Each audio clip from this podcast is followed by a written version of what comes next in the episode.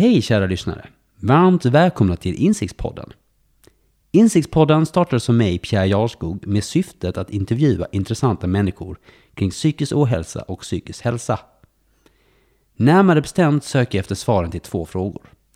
Varför människor att ta sig ur psykisk ohälsa och hur bevarar människor psykisk hälsa. I mina samtal får ni höra allt ifrån kända företagare och publika personer till tonåringar och lärare. Och det är mitt hopp att ni efter varje avsnitt ska komma till insikt om vad ni kan göra för att undvika ohälsa och bevara psykisk hälsa. Gillar ni vad ni hör får ni gärna följa Insiktspodden på iTunes eller Soundcloud. Och följ oss gärna också på sociala medier och berätta vad ni tycker. Njut av ännu ett avsnitt av Insiktspodden.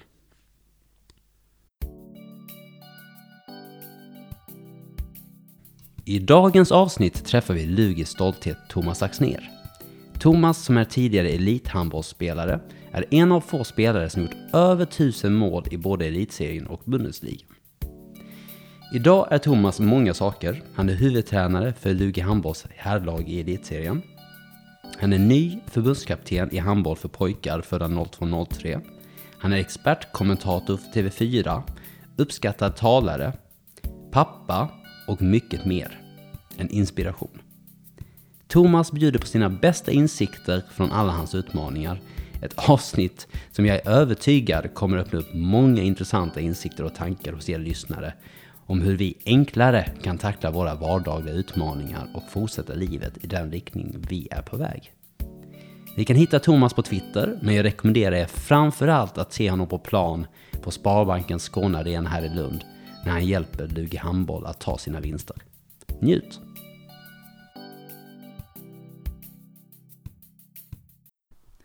Varmt välkommen Thomas! Tack för det, kul att vara här. Jättekul att ha mm. dig här. Det är, som kär Lundabo är det alltid roligt att ha en Lundakändis här framför dig. Ja.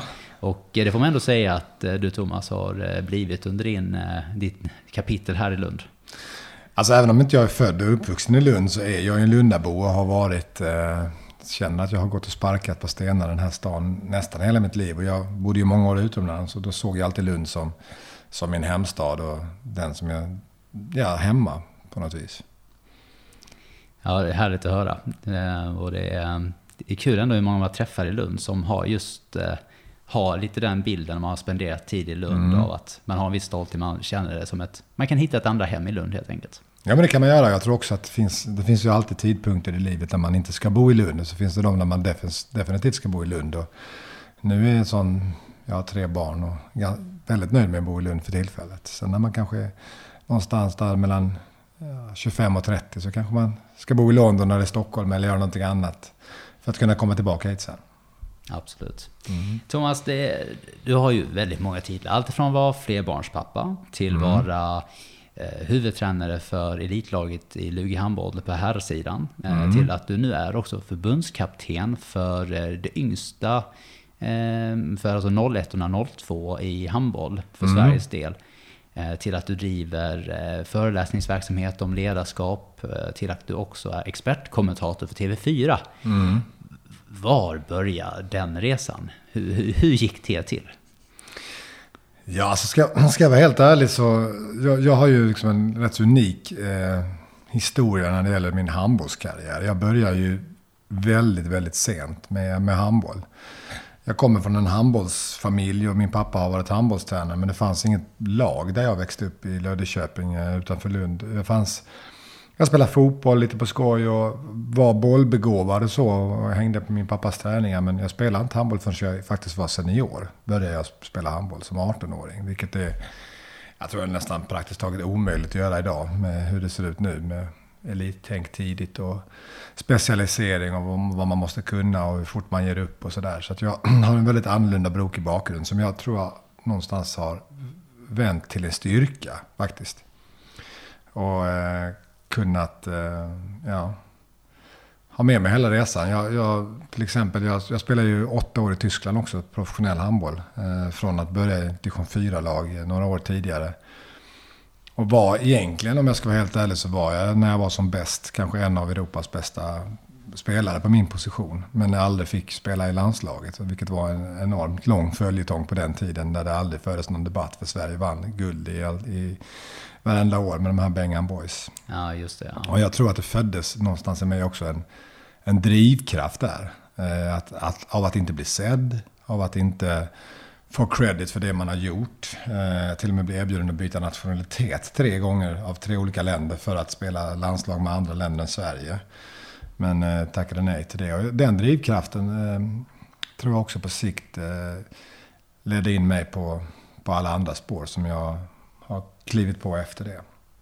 Wow, vilken, eh, vilken, ja, vilken speciell historia. För att man får ju nästan alltid höra att eh, ja, man ska börja tidigt för att eh, det är där man lär sig som snabbast. Mm. Och det är, om du inte gör det då kommer inte motoriken tillräckligt bra igång. Du kommer ha ett stort eh, en nackdel eh, alltså rent konkurrensmässigt med mm. de andra eleverna och sådär. Men det, det, gick ju bra ändå, om vi säga. Ja, verkligen. Jag, jag, dels är jag vänsterhänt också, vilket är en, en, fördel.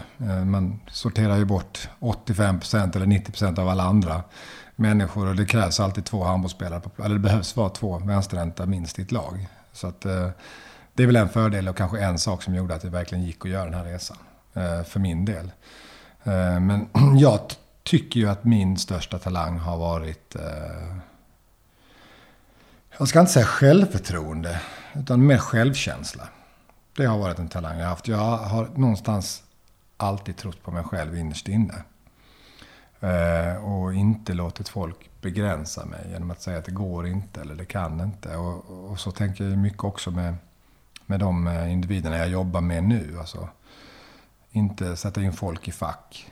Utan att verkligen pusha gränser till att det går att göra saker som, som egentligen är omöjliga om man bara vill. Och det där med, med självkänsla, det är ju, jag tror inte att det, ja, det är en talang, skulle jag vilja säga det som. Inte inte någonting man får. Man kan jobba med det och bli bättre på det och det finns säkert jättemånga nycklar till att, till att jobba på det. Men för min del har det varit en egenskap som jag har kunnat dra nytta av eh, under hela mitt liv egentligen.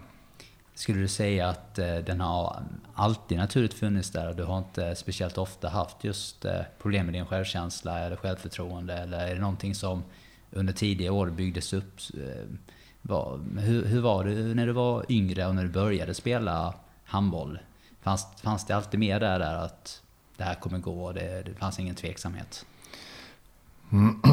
Alltså det är klart att, eh, nej jag skulle vilja säga att jag har alltid haft den faktiskt. Jag känner att jag, jag, har, eh, jag har trott på mig själv. Jag har eh, också vågat drömma. Alltså jag, och där tror jag, det tror jag är en jätteviktig del. Att våga drömma. För att om man drömmer man stort så når man längre. Drömmer man kortsiktigt så, eller upp till en viss nivå så når man dit. Säger man, säger, någon, någon säger till mig, jag vill bli bäst i världen. Så det är klart, alla kan inte bli bäst i världen. Det är väldigt få som kan det. Men det finns faktiskt de som kan bli bäst i världen. Men om de bara skulle säga jag vill bli bäst i Sverige. Ja, då blir de bara bäst i Sverige. De tar inte det nästa steg. Jag tror att mycket handlar om att, att, eh, att våga se. Att liksom visualisera sin egen framtid. så jag, jag ska dit. Jag ska ha det där jobbet på TV4. Jag tycker de experterna som jobbade innan mig var skitdåliga. Jag startade en blogg. Och så skrev jag det, hur dåliga de tyckte det var. Och sen en dag så ringer Peter Jihde till mig och säger, vad är det för skit du sitter och skriver i den här bloggen? Tror du att du kan göra det här bättre? Ja, det tror jag faktiskt. Det är bra, då kommer du till Stockholm nästa måndag så kör vi en provinspelning, du och jag. Är du bättre så får du jobbet. Och så fick jag jobbet. wow, vilken ja. grej. Ja. Det var rätt speciellt faktiskt. Och, eh, och du berättade ju för mig eh, alldeles eh, precis faktiskt när du berättade om just ditt expertkommentarsjobb att första situationen du träffade mm. där och skulle eh, spela in. Eh, berätta, berätta lite om det. Ja, alltså, för det första den här provinspelningen var ganska speciell. Då tog han ju bara ner mig i, eh, till det här liksom, studion på TV4 där de, där de spelade in eh, ja, nyheterna och sporten och allting. Och sen så såg vi en snabb sekvens från en match som vevades upp och sen så kom vi låtsas live in i studion och så skulle jag göra en snabb analys på det. Och där tog jag inga fångar, sopade liksom ingenting under mattan utan gnuggade allting rakt in i ansiktet. Satte ribban. Så här jobbar jag. eh, och på den vägen var det. Sen fick vi, jag tror jag gjorde en landskamp, någon träningslandskamp, Sverige-Turkiet som Sverige vann med 20 mål. Och sen så var det rakt in i ett, i ett VM eh, med, med, med storsatsning på TV4s eh, huvudkanal, Fetfyran som den kallas. Och så eh, stod vi där och sen så skulle Sverige möta värdnationen Kroatien och så säger Peter Jihde till mig när det är typ 20 sekunder kvar innan sändning. Ja, då får vi se vad du gjorde av. Det sitter en och en halv miljon människor och tittar på det här nu. Och eh, då var det någonstans en palett som trillade ner. Det här är på allvar. Alltså. Nu sitter var åttonde svensk och tittar på det här. Och då blev jag... Eh, jag trodde att jag skulle frysa lite, men jag fick nästan en adrenalinkick av det istället.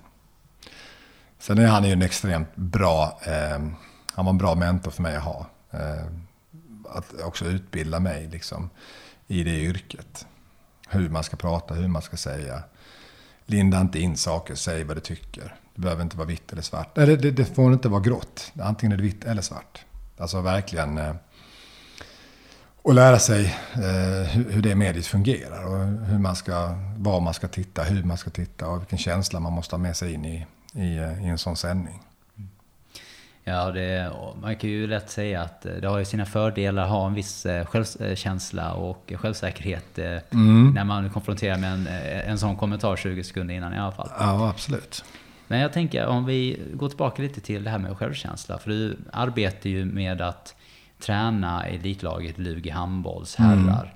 Mm. Um, och det är klart, det är ju vinnarskallar de flesta av dem kan jag tänka mig och de har ju kommit en bit för att ta sig till elitnivå. Men hur, mycket arbete, hur arbetar man med självkänsla på den nivån? Jo, men jag, jag har ju många spelare som, som har eh, kanske problem med självkänsla eller eh, behöver stärka sin självkänsla. Och, och, och, tidigt som tränare så, så utgick jag från att alla gick igång på samma sak som jag gick igång. Att de triggades av samma sak som jag triggades av.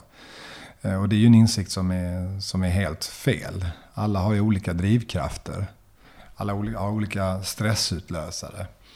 Och för att förstå de människorna som inte är som jag så har det ju krävts ett enormt arbete att ta reda på eh, dels, dels eh, som hitta infallsvinklar hur jag ska nå de här spelarna. Och det har ju någonting som har vuxit fram och jag har blivit mycket bättre på.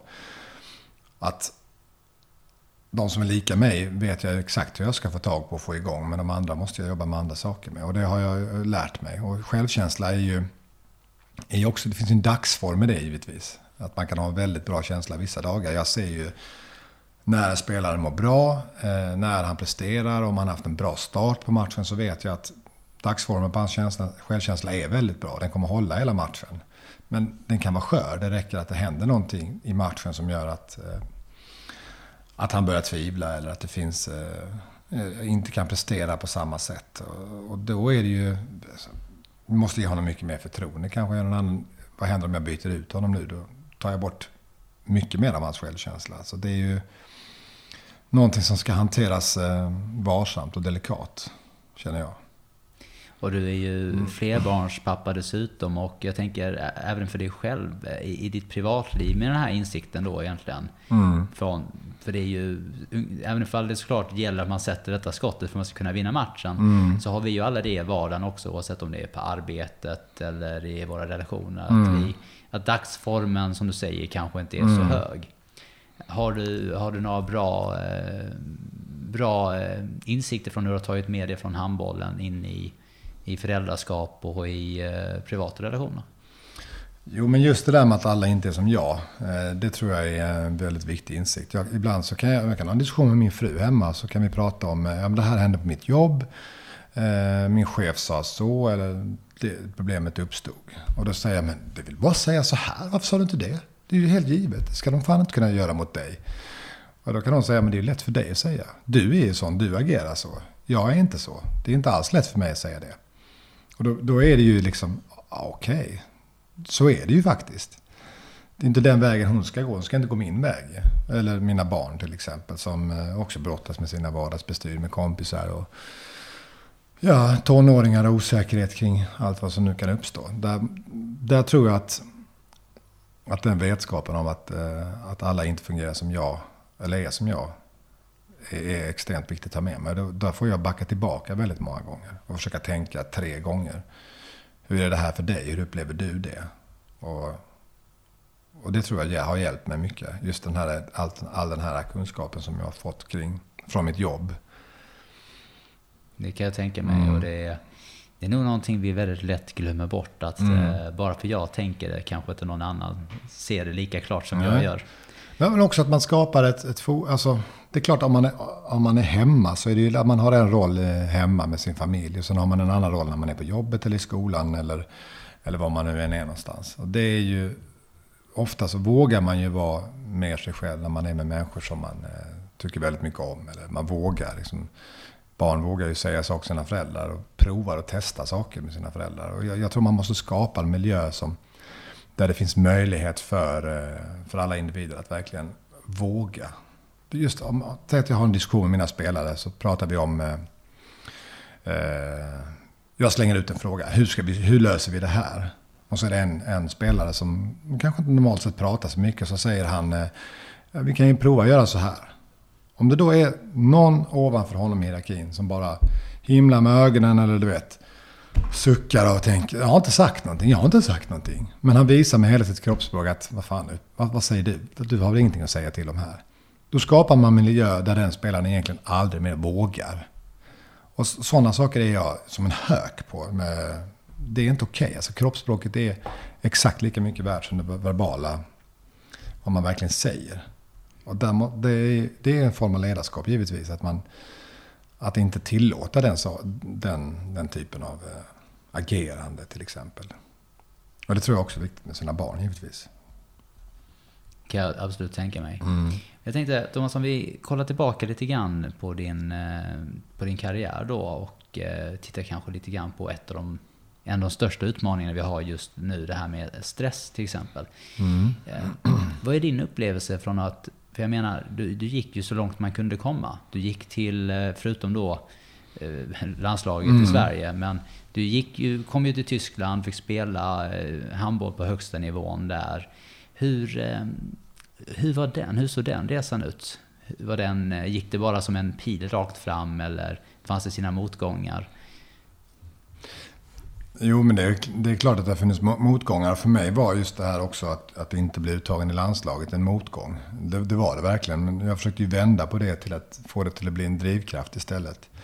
Att eh, jag ska visa dem. Jag ska, jag ska liksom det har jag använt mig mycket av. Men eh, uh, ingen resa är ju spikrak. Jag, jag, tror att jag personligen inte ältar saker.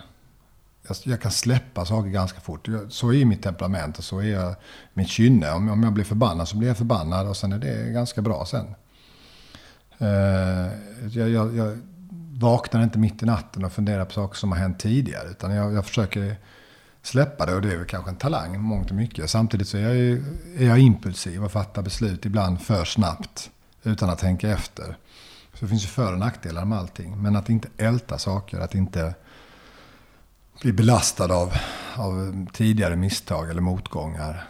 Eh, så, så försöker, jag, eh, försöker jag tänka. Och det tror jag också är, är eh, någonting man ska försöka göra för att inte grubbla eller gå in i väggen eller låta saker och ting gro i en som, som sen blir, eh, som blir jobbiga sen. Jag har också gjort eh, väldigt många saker jag ångrar och man hade kunnat gå riktigt illa vid många tillfällen i, i min uppväxt. Jag vet min mamma sa till mig en gång, eh, eh, hon sa Vet du hur det känns att hata den man borde älska mest? och det var ju väldigt rakt och ärligt för jag liksom var ganska kaotisk som, som tonåring. Och, det var många, många kvällar hon undrade om jag överhuvudtaget skulle komma hem och vara i livet. Liksom. Att man verkligen pushar gränser. Det var ett sidospår i och för sig. Wow, ja. Um, onekligen viktigt för din mor hade det varit att inte hälta eh, alla de här bitarna. Nej, men, men det är också insikten att jag kan inte göra annat än att göra mitt bästa och försöka få dig att förstå. Men du är den du är och, och, och det måste man också inse, liksom, tror jag.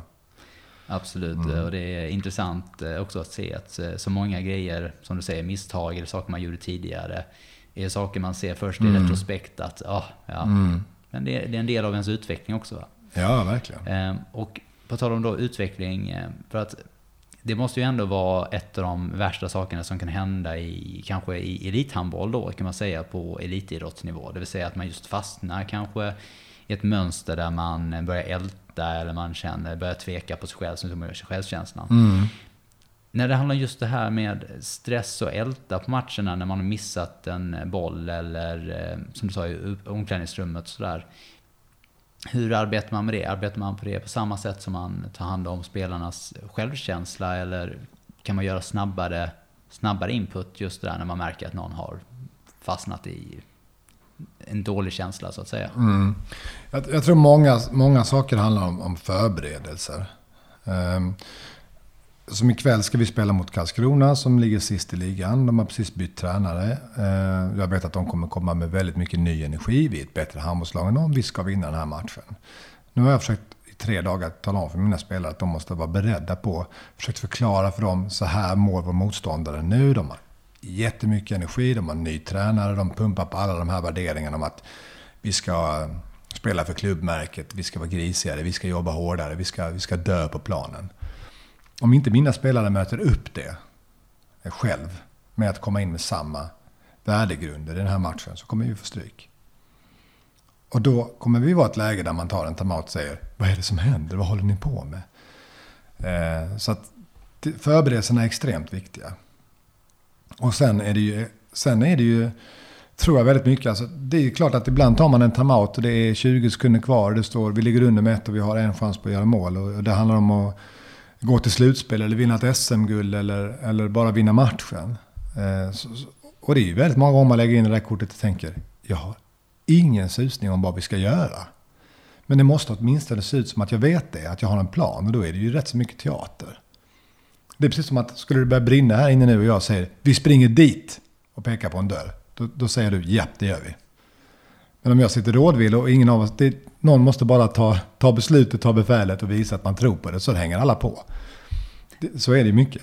Ja, jag kan tänka mig att, eh, att inte låta dem komma på med för många egna idéer, utan som du säger, just bara peka dem i riktning så slipper de tänka på det, så kan de fokusera på bollen. Han har åtminstone en plan och vi kör på den och då får det bära eller brista. Eller så kan jag säga, jag vet ju att om jag har en spelare som, som jag känner har en, en, en bra dag, då vill vi sätta ett spel för honom. Eller om jag känner att jag ser i ögonen på någon att han har en plan. Då kan jag ju faktiskt ställa den frågan till honom. Vad gör vi? Och då har han ofta en bra plan.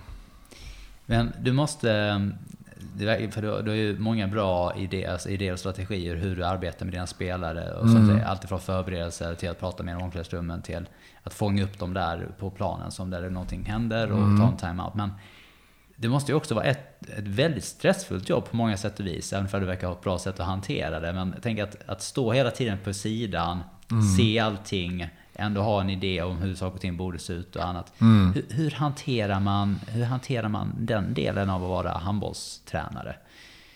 Har du, eh, har du hittat ett bra sätt? För att man måste bli frustrerad ibland när man kanske inte gör så som du har sagt, kan jag tänka mig. Ja, absolut. Ja, det är en jättebra fråga Pierre. Jag, jag tror att vi sitter det är klart att vi analyserar ju våra matcher eh, efter vi har spelat dem och tittat tillsammans på saker. Och, och återigen är det ju en del av förberedelserna för att vi inte ska hamna i samma situation en gång till. Eller att vi ska verkligen ha en strategi på vad gör vi när det här händer? Och också konsekvenser av att inte, att inte följa den kollektiva plan som vi... Alltså vad händer om någon, om någon eh, glömmer bort eller inte, eller inte gör det som förväntas av dem? Och det är ju väldigt mycket eh, som här ramarna som man sätter upp. För så här ska vi jobba. Om motståndaren gör så, då är vårt lag att göra så här. Och skulle, är det för många som bryter mönster så är det ju ett risktagande som inga andra vet om på planen. Och då hamnar man ofta i situationer där det kan gå dåligt. Och då tror jag det är väldigt viktigt att, att inte det sopas in under mattan. Även om det lyckades en gång. Så var det faktiskt någonting som vi inte hade bestämt. Eh, utan att, att det hela tiden är Eh, alltså de här ramarna är extremt viktiga. Det låter jättetråkigt att prata om ramar och sådär, men det är viktigt. Och sen är det ju såklart, det finns individer som får lov att gå utanför ramarna. Det finns individer som man måste ändra om ramen för, för att få in. Och ge plats åt kreativa spelare.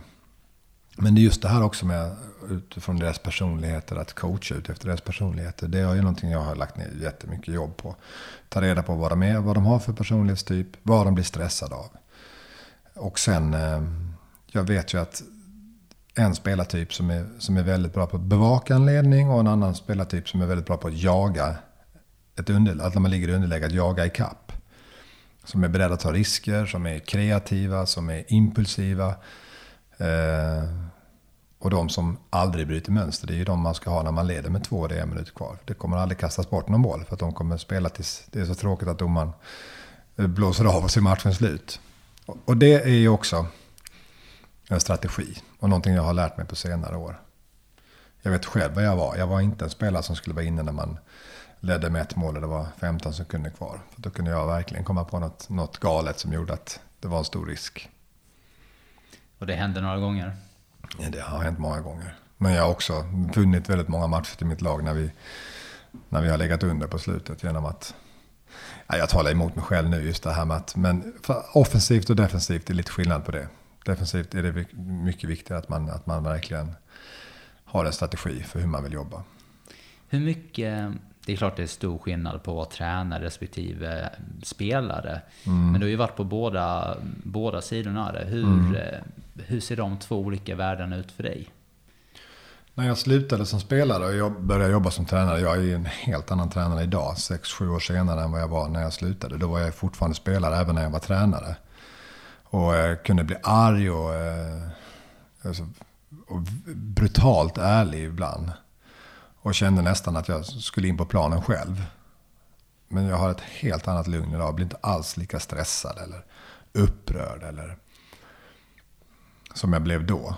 Och, och det är ju någonting som har kommit och vuxit fram lite. Att, eh, att hitta, hitta rätt i det. Jag är väldigt lugn idag. Alltså, egentligen. Min personlighet är en, en annan. Det är, och det är väldigt många som har påtalat det också. Att du, du ser så lugn ut. Men, men jag tror också det är ett sätt att över tid hantera den här stressen. För det är ju såklart, det, man är utsatt. Det vi, gör på, det vi gör på vårt jobb står det om i tidningen dagen efter. Och förlorar vi så är det ofta mitt fel. Och vinner vi så är det oftast eh, någon spelare som har varit väldigt bra. Men jag, jag eh, är ju själv min hårdaste eh, kritiker.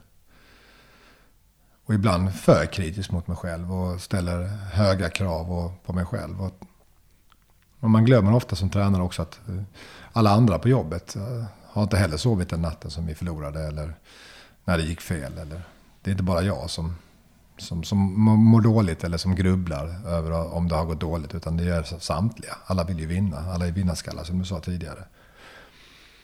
Och det har hänt många gånger att jag har, att jag har eh, gått ut i pressen och tagit på mig en förlust som jag egentligen känner att nej, jag gjorde faktiskt vad jag skulle idag. För att också ta, ta trycket av från spelarna. Dels för deras självkänsla, liksom att ja, men jag, kan ta, jag kan bära det här hundhuvudet idag. För då vet jag att jag kan gå in och säga nästa gång till dem, eh, alltså ställa krav på en annan nivå.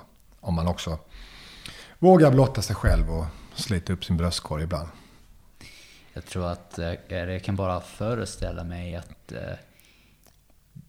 det är ju en väldigt viktig balansgång där. Det ena är att de måste lära sig av sina läxor så att de blir bättre. Och mm. det andra är just att se till att de kan fortsätta prestera på den nivå de har just nu så högt mm. som möjligt ut, för att inte ta ner dem. Mm. Det måste vara jättesvårt att veta när det är rätt för ett spelare, ett lag, kan jag tänka mig. Mm. Fast det verkar som du, du känner ju dina spelare väldigt väl, men, men hur, hur, vet man till exempel som i det fallet att, kommer, att han kommer lära sig detta? Eller då, då tar du smällen då och sen löser du det individuellt baserat sen? Ja, absolut. Internt med gruppen eller med den spelaren. Ja, det, är också där man måste känna efter vem, vem kan man hänga ut inför en grupp och hur tuff kan man vara.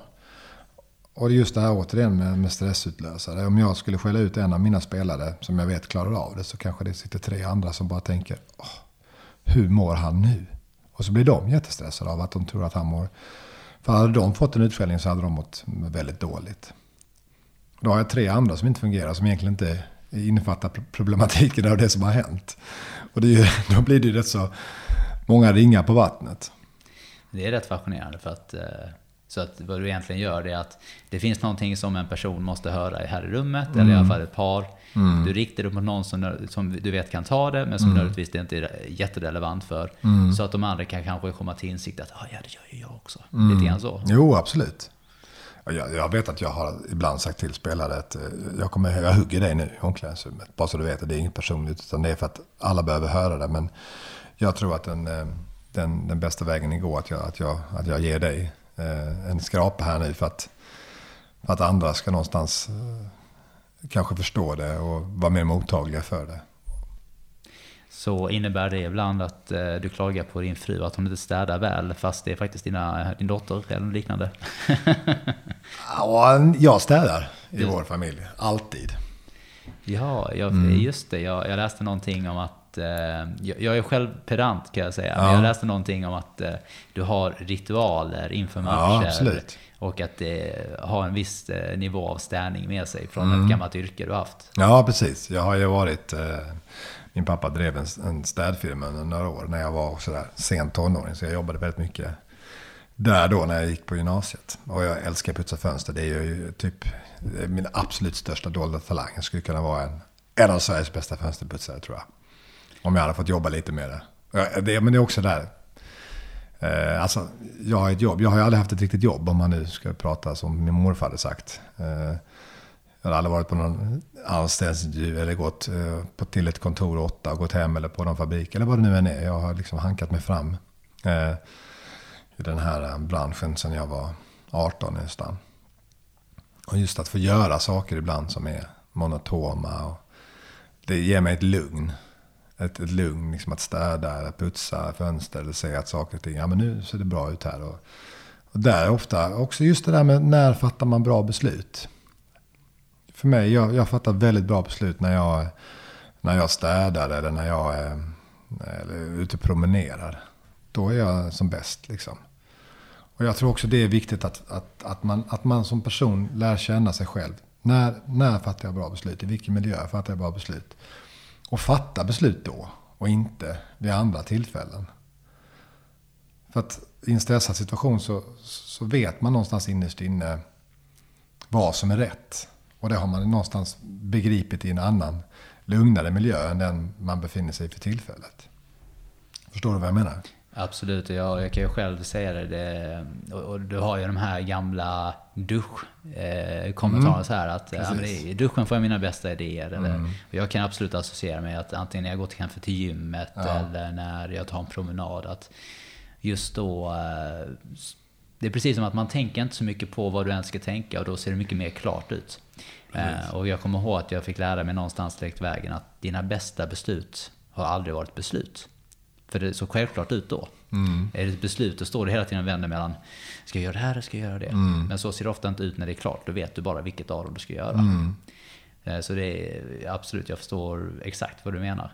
Men hur, hur arbetar man med det kanske då i, i handbollen då? För att en spelare ska veta när han ska lägga det där skottet.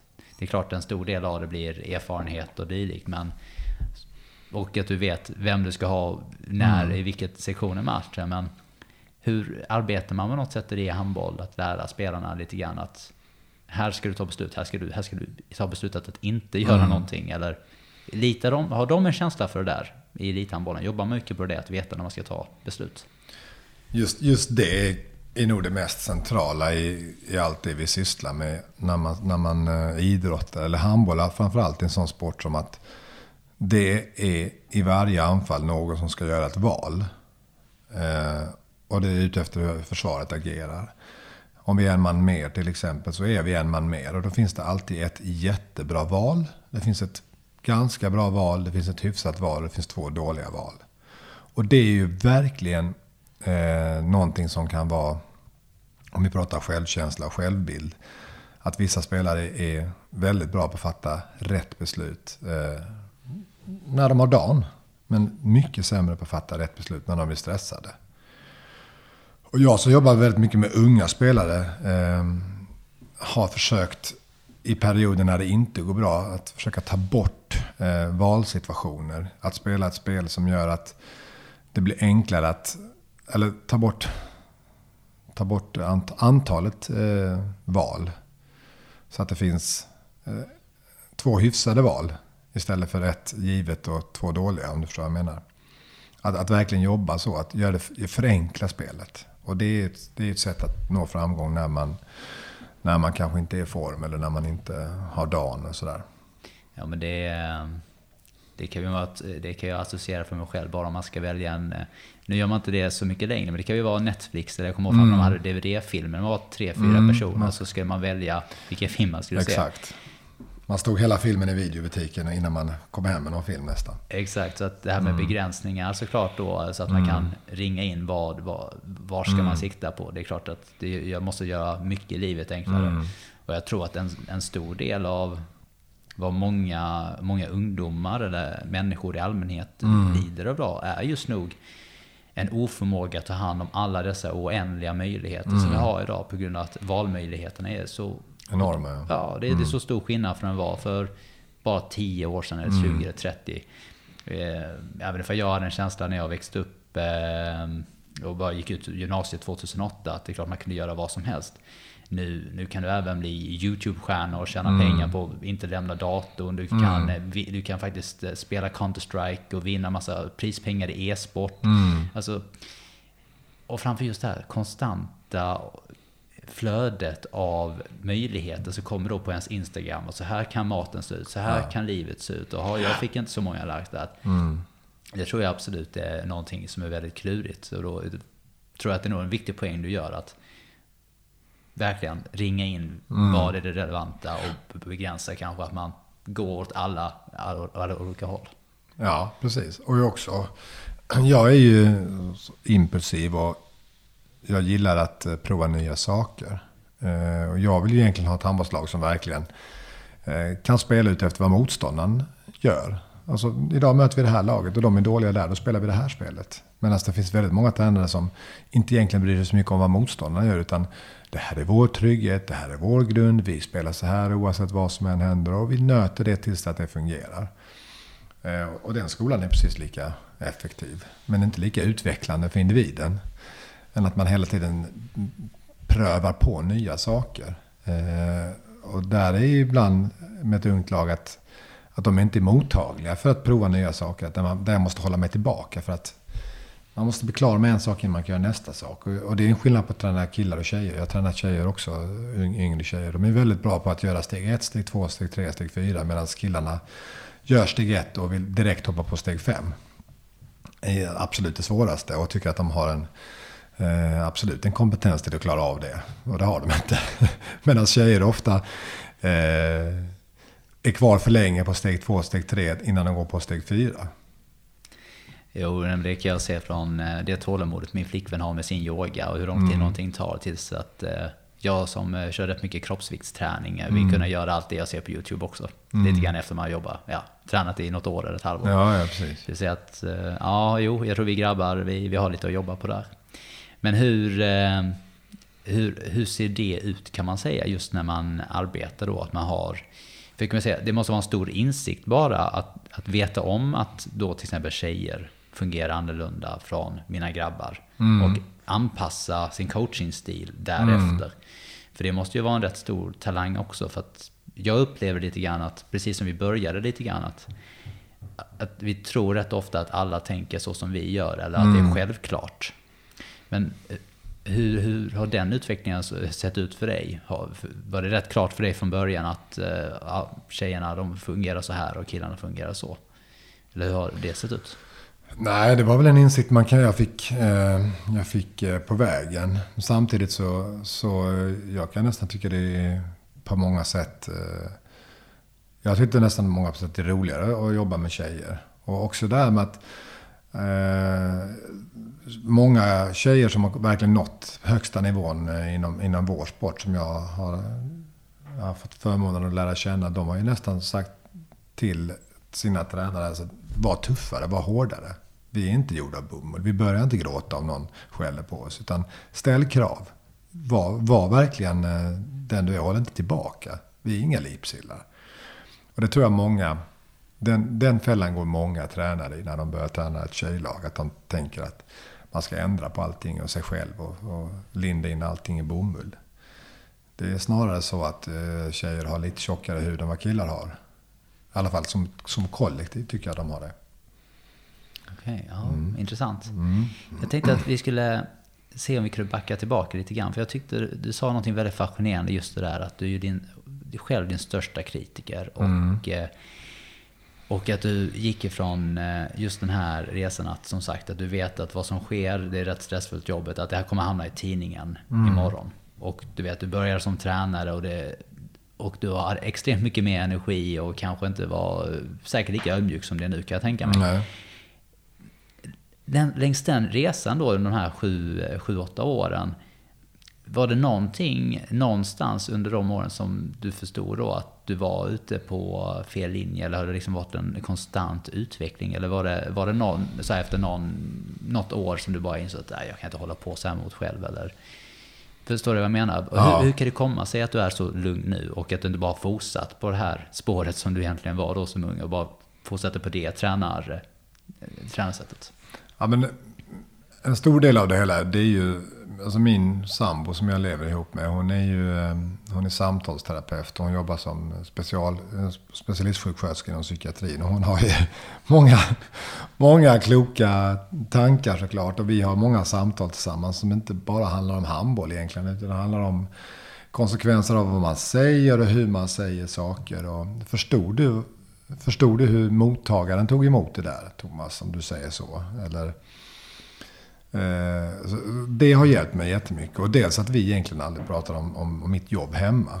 Det, jag ältar aldrig, eller hon är inte så intresserad av handboll att vi har de diskussionerna. Utan hon det är andra saker som hon går igång på i mitt jobb. Som, som, som var just det som jag nämnde tidigare. Men också det här att, att okej, okay, vi, vi förlorade. Men det blir inte bättre för att jag inte sover i natt. Eller går upp och funderar på vårt 6-5-spel eh, som inte fungerade. Två timmar och liksom borrar hål i parketten som eh, Joakim von Anka när han går runt och runt sina, sin pengaskatt. Utan, utan man, man måste släppa saker. Eh, och numera så sover jag nästan sämre när vi har vunnit än när vi har förlorat. Eh, och jag vet faktiskt inte var det kommer ifrån och var det, var det lugnet och den insikten kommer ifrån. Men det är väl också, tror jag, viktigt att man känner att man har förtroende. Jag känner att jag har ett väldigt stort förtroende från min arbetsgivare, Lugi, som Ehm, som, som också hjälper till. Skulle jag ha tränat ett proffslag i Tyskland så vet jag att vi kan förlora fyra matcher. Och, och, och det behöver inte vara mitt fel. Det kan vara att eh, en var sjuk och två var skadade och vi hade otur med domaren. Så blir det av med jobbet. Och det, det skapar ju en enorm stress också. Så att förtroendet av andra, av en spelare, av ens omgivning och av sin arbetsgivare. Det är ju någonting som, som skänker arbetsro. Och det behöver vi alla. Speciellt i yrken som är, som är stress, med hög stressnivå. Det kan jag tänka mig. Och kan, som tränare så måste ju en stor del av det att ha förtroende för sin, för sin trupp och inte tveka mm. på den. Kan jag tänka mig. Ja, precis. Men jag, jag, jag är ju klart att jag har, jag har gått i några fällor. Jag vet att det var någon match vi spelade för några år sedan där jag, där jag var förbannad. Vi, vi tappade en hemmamarsch på ett sätt som inte var okej. Okay. Vi underskattade motståndaren trots att jag hade påpekat att det här kommer bli jobbigt och tufft. Och det gäller att alla är på plats och alla klyschor man nu kan komma på. Så förlorade vi och sen så var vi väldigt, väldigt nära att eh, missa slutspelet det året. Vi hade inte det i egna händer inför sista omgången. Och då säger jag till, eh, till pressen efter matchen. Eh, först hade jag en, en lång liksom, utläggning i radion om eh, vad som inte var bra, hur det inte fungerade, hur besviken jag var på det. Och sen säger jag till, jag tror det var Sydsvenskans reporter, så säger jag någonting i stil med Spelar vi så här så har det här laget ingenting i slutspel att göra. Som sen klipptes eh, ner i en eh, rubrik som hette Det här laget har ingenting i slutspel att göra. Som innefattade en enorm eh, förtroendekonflikt mellan mig och, spelarna. Där de var liksom väldigt besvikna på det uttalet. Tror du inte på oss, gör du inte det? Och hur kan du säga så? Och Där kom jag verkligen dagen efter i ett läge där jag kände, och fick ett samtal också från den i styrelsen som hade fått samtal från spelare och sagt att det där, det där är inte bra alltså. Nu är jag verkligen en vattendelare. Och, och då gick jag en, en hel dag på att mer la fokus på, okej okay, hur vänder jag på den här slutan? Hur får jag tillbaka dem? Vinner jag tillbaka dem nu? Och det tror jag det är det viktigaste talet jag har, har haft i mitt yrkesliv någonsin. Att vinna tillbaka dem där. Där jag lyckades med det och kände under, under själva samtalet att det vände. Att jag kunde förklara, att jag kunde ja, vinna tillbaka deras förtroende. Och sen gick vi ut och vann den här sista matchen och tog oss till slutspel och gick hela vägen nästan fram till en final det året. Och eh, där kunde det i princip ha slutat. Mitt jobb i Lugi. Det hade kunnat vara en väldigt mycket dyrare lärdom än vad det var. Men det, är det tänker jag ofta på. Också att verkligen strategiskt uttala mig i pressen. Ja, det kan jag tänka mig. Ja, vad, vad är det för värde, värdeord som jag ska, som jag ska plantera in, som blir sanningar för andra, som är till nytta för mitt lag och för min grupp och för deras utveckling. Jag pratar väldigt mycket om ungt och närodlat, gröna lug. Liksom. Det är spelare som kommer härifrån, vi vill jobba med de spelarna. Och det är ju det är en sanning. Samtidigt är det också en, en eh, eh vi är inte IFK Kristianstad, vi kan inte köpa spelare överallt ifrån. Vi har inte en, eh, liksom, pengar och all oändlighet. Men samtidigt att man skapar någonting, det här är vi. Och till slut blir det en sanning. Ja, vi är ett av de mest talangfulla klubbarna i Sverige. Jag kan tänka mig att eh, ur en sån incident som, som kommer därifrån och då eh, Ja, jag kan bara föreställa mig hur mycket tankar du måste ha haft om att jag, nu måste jag fan lösa det, jag måste ta hand om mm. detta. Mm. Jag kan tänka mig just som du tog upp det här tidigare också, var tar du dina bästa beslut? Att, att, att få den insikten också att eh, när man är lite hetlevrad eller mm. på dåligt humör så är det inte då jag brukar säga bäst saker. Nej, exakt. så hur... Eh, jag antar att du tar med dig in idag väldigt mycket i intervjuerna att eh, lugna ner dig först och mm. innan man så här... Mm. För det är lätt att säga allt man tänker. Och eh, vi har ju, eh, jag är övertygad om att både du och jag och alla lyssnare har haft perioder eller ett tillfälle där vi har sagt någonting vi har sen har ångrat. Mm. Och sen i efterhand så när vi tittar på det så, ja det var ju väldigt dumt sagt. Mm. Men hur, hur gör du idag efter, eh, när du ändå känner en besvikelse, du ska ut och träffa pressen? Har du har du någon ritual för det? Har du, hur, hur hanterar du den här, den, den, här snabba förmågan att omvandla det till att du ska kunna stå framför och ändå mm. inte säga vad du tycker? Alltid. ja, nej, dels, dels kanske gå in i omklädningsrummet efter en match man har förlorat och spelarna är liksom väldigt besvikna för att de vet att vi förlorade. Inte för att motståndaren var bättre eller för att de utan för att vi inte gjorde jobbet eller hur man nu ska säga. Eller att vi det var andra saker än att motståndarna var bättre som gjorde att vi förlorade. Då, då är ju de... Sitter ju alla och tittar på sina skor och så väntar de bara på att tränaren ska komma in och, och, och ge dem en skrapa. Liksom. Och det är ju det, dels en märklig känsla att komma in så i ett omklädningsrum när, när det sitter 15 man och, och tittar på sina dojor och, och, bara väntar på att man ska börja skälla. Och där, just i sådana lägen, eh, då gäller det verkligen, tycker jag, att ha, ha is i magen och verkligen tänka efter. För det är ett tillfälle. Det är ett tillfälle att, att förändra någonting. Eh, och då väljer jag mina ord. Jag kan nästan... Ibland lägger jag ner mer energi på vilka ord jag ska använda till mina spelare innan match, efter match, under match, än vad vi ska spela. För att väcka dem. Om man, om man alltid använder samma klyscha eller samma in i kaklet eller eh, hela, in i, alltså, hela vägen in i mål nu och sådär. Det är aldrig någon som hajar till. Liksom jag försöker tänka, använda andra ord. Andra, visualisera andra saker. Vi är som en, som en, som en stålhandske. Eller alltså hitta saker, vad, vad fan sa han nu för någonting? Det där var något nytt. Liksom. Vi, är, vi är som ett uppsträckt långfinger i... Eh, ja, du förstår. Ja, ja. Bara visualisera andra saker för att för att inte säga samma sak eller bli klichéaktigt. Och just, just de där lägena med att gå ut i pressen, då, då har jag... Jag tar en vända till. Jag, jag säger att, jag ge mig fem minuter till. Jag står inte där med, med eller jag tar inte en tv-intervju om jag är upprörd. Utan då tackar jag nej. Och det hade jag inte gjort för sex år sedan, utan då hade den där kommit.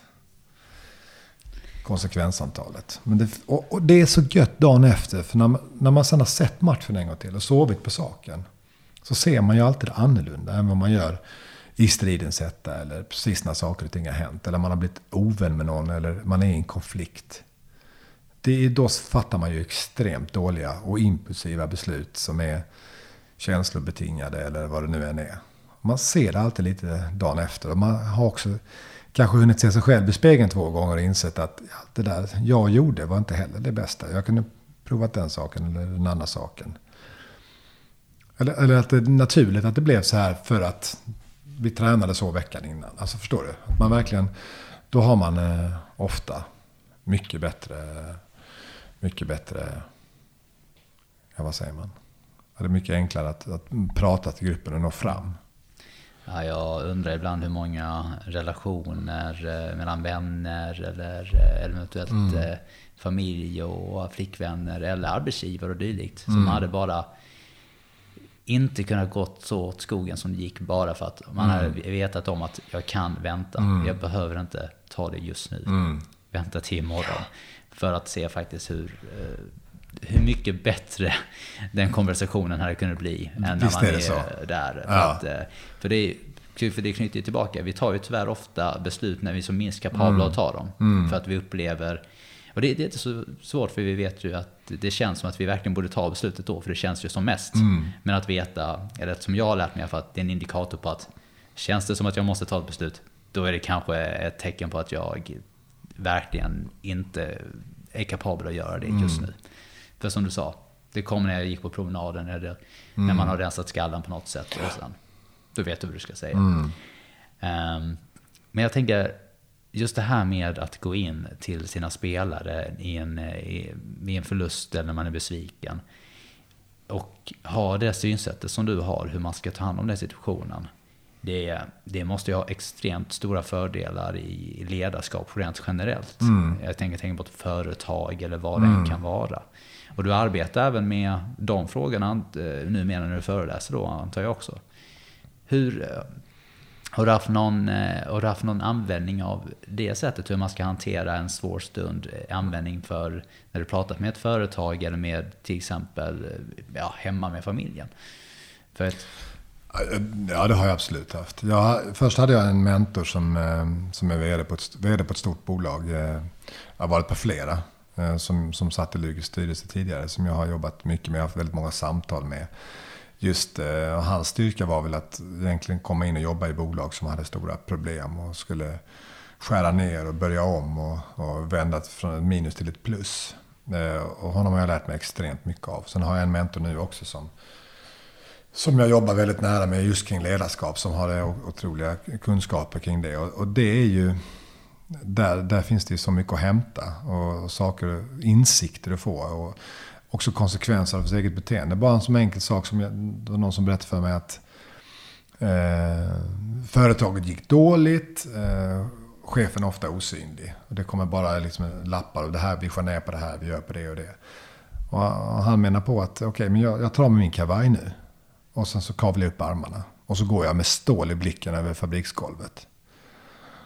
Och sänder signalen till alla de anställda. Shit, han har kavlat upp armarna. Nu jäklar i det händer saker. Han jobbar som fan för att vi ska vända det här. Istället för att vara osynlig. Så man skapar någonting att jag är, liksom, jag är med här. Jag, jag har också kavlat upp armarna. Och det är ju så, så, så enkel grej som, man, som, som kan ha så stor effekt på andra. Eller hur? ja, absolut. Och eh, just sådana saker försöker jag, försöker jag tänka mycket på. Men det är klart att sen så märker jag hemma att jag, jag, har, ju, jag har ju väldigt stor personkännedom om mina spelare. Och jag, eh, vi gör personlighetstester och jag sitter och tittar väldigt mycket på det och coachar utefter det som jag berättade tidigare. Men jag, jag, jag har ju väldigt svårt att sätta in mina barn i personlighet. Jag är, där kan jag vara blockerad många gånger. Inte alls lika bra på det. Då. Men jag, precis som som att man blir väldigt arg på sina föräldrar eller skäms för dem ibland. Så blir jag ju väldigt arg på mina barn ibland. Utan att tänka, vad kan jag inte ha det lugnet med dem? För de, de borde ju de som förtjänar det mest nästan. Att inte säga saker i stridens hetta. Eller bli impulsiv. Eller eh, du får aldrig mer lördagsgodis, gå och lägg dig. Varför säger jag det för? Men det är lustigt samtidigt någonting med familj. För att någonting som en vän säger till en, som du inte kan skaka av, kan du skaka av rätt enkelt när familjemedlem. För att, ja men vi är ju familj. Ja, så är det ju Ja, säkert. kompisar man inte träffat på tio år efter det. Och, Nej. Ja, precis. Men det är eh, insiktsfullt.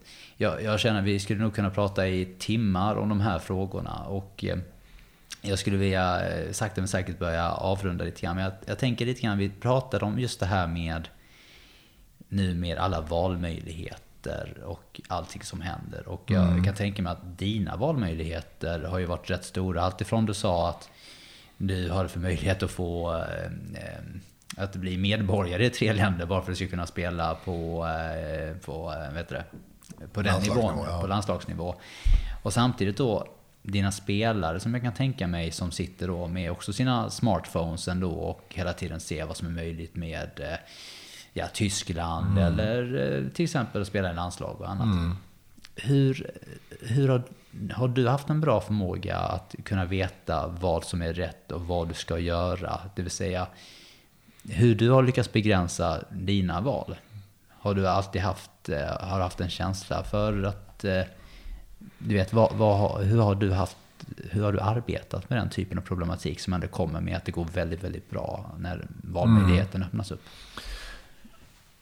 Jag skulle inte säga att jag oavkortat har varit bra på det. För jag tror att jag skulle kunna haft eh, ha tagit andra vägar också som hade varit väldigt spännande och säkert kunnat gå väldigt bra eller bättre. Eh, jag har ovanpå allt det där eh, impulsiva, egoistiska och fåfänga och allt sånt som finns i min personlighet så är jag också väldigt lojal. Och varit lojal mot klubbar jag har spelat i och mot arbetsgivare jag har jobbat för. Och det kan ibland gå för långt, att man är för lojal och inte tänker så mycket på sig själv. Jag, har, jag har sumpat ett par rejäla chanser i mitt liv att spela i klubbar. Typ, jag hade ett anbud från världens bästa handbollslag som vann Champions League, spanska ligan och eh, spanska kuppen och någon, till och med någon turnering till. Där jag hade ja, kunnat tjäna allt på ett år som jag tjänade på sju år. Därför att jag eh, valde att stanna kvar i den klubben jag var i. För att jag var lagkapten och, och jag, jag, var lojal helt enkelt. Och, och det är ju saker som man efteråt tänker, varför, varför tänker jag inte mer på mig själv i det läget? Så att jag ska inte säga att jag oavkortat är jättebra på att göra det. Men det jag jobbar väldigt mycket är jag försöker förbereda mina spelare för. Om de, jag vill ju ha spelare som har höga ambitioner. Som ser Lugi som ett ställe där man får en utbildning, en utveckling och bli förberedd för nästa steg. Jag vill ju att mina spelare ska ut i Europa och spela. Och sen får de gärna komma tillbaka eh, när de har gjort det och, avsluta sina karriärer i sin moderklubb.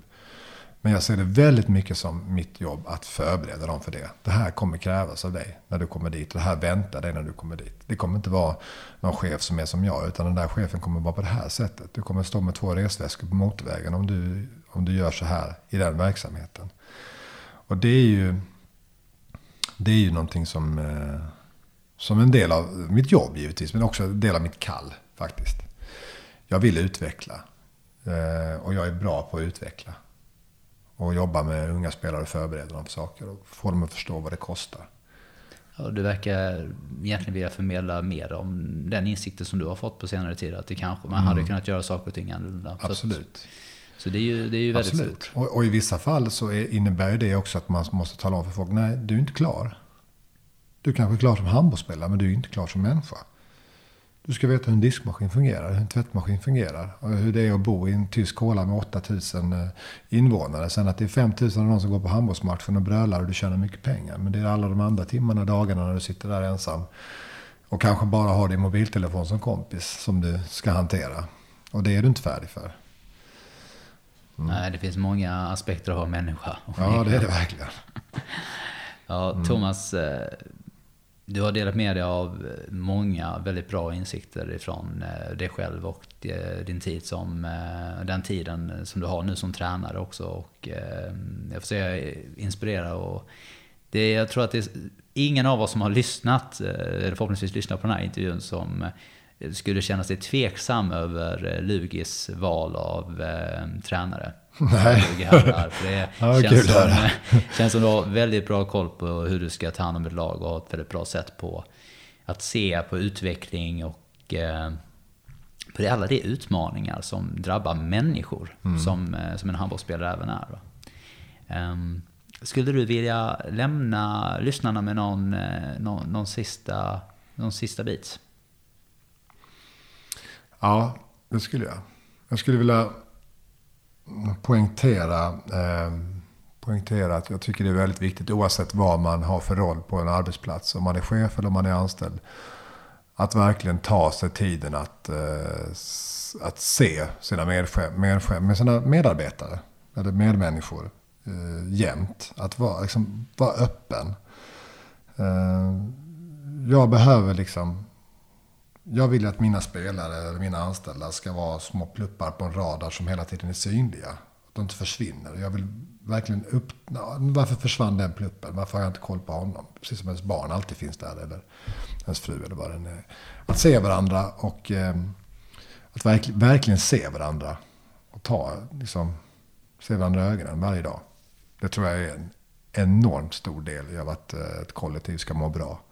Att alla någonstans har en hum om hur de andra mår. Det tror jag är viktigt. Ja, jag kommer ihåg att jag läste någon gång att eh, varje natt går det tre miljarder människor eh, till sängs utan, eh, utan mat och hungriga. Mm. Och varje natt går det fyra miljarder människor till sängs utan att få till mycket bekräftelse för Mm. deras, deras roll i, i, i världen. Fruktansvärt. Det är fruktansvärt, men väldigt, väldigt vanligt som du säger. Ja. Mycket viktigt och såklart eh, lyssnare, oavsett om det är arbetsplatsen eller ens familj eller vänner, Mm. att inte ta någonting för givet. Pay attention. Så är det. Kolla in någons ögon. Tusen tack Thomas för att du tog dig tid för detta. Jätteroligt. Tack själv.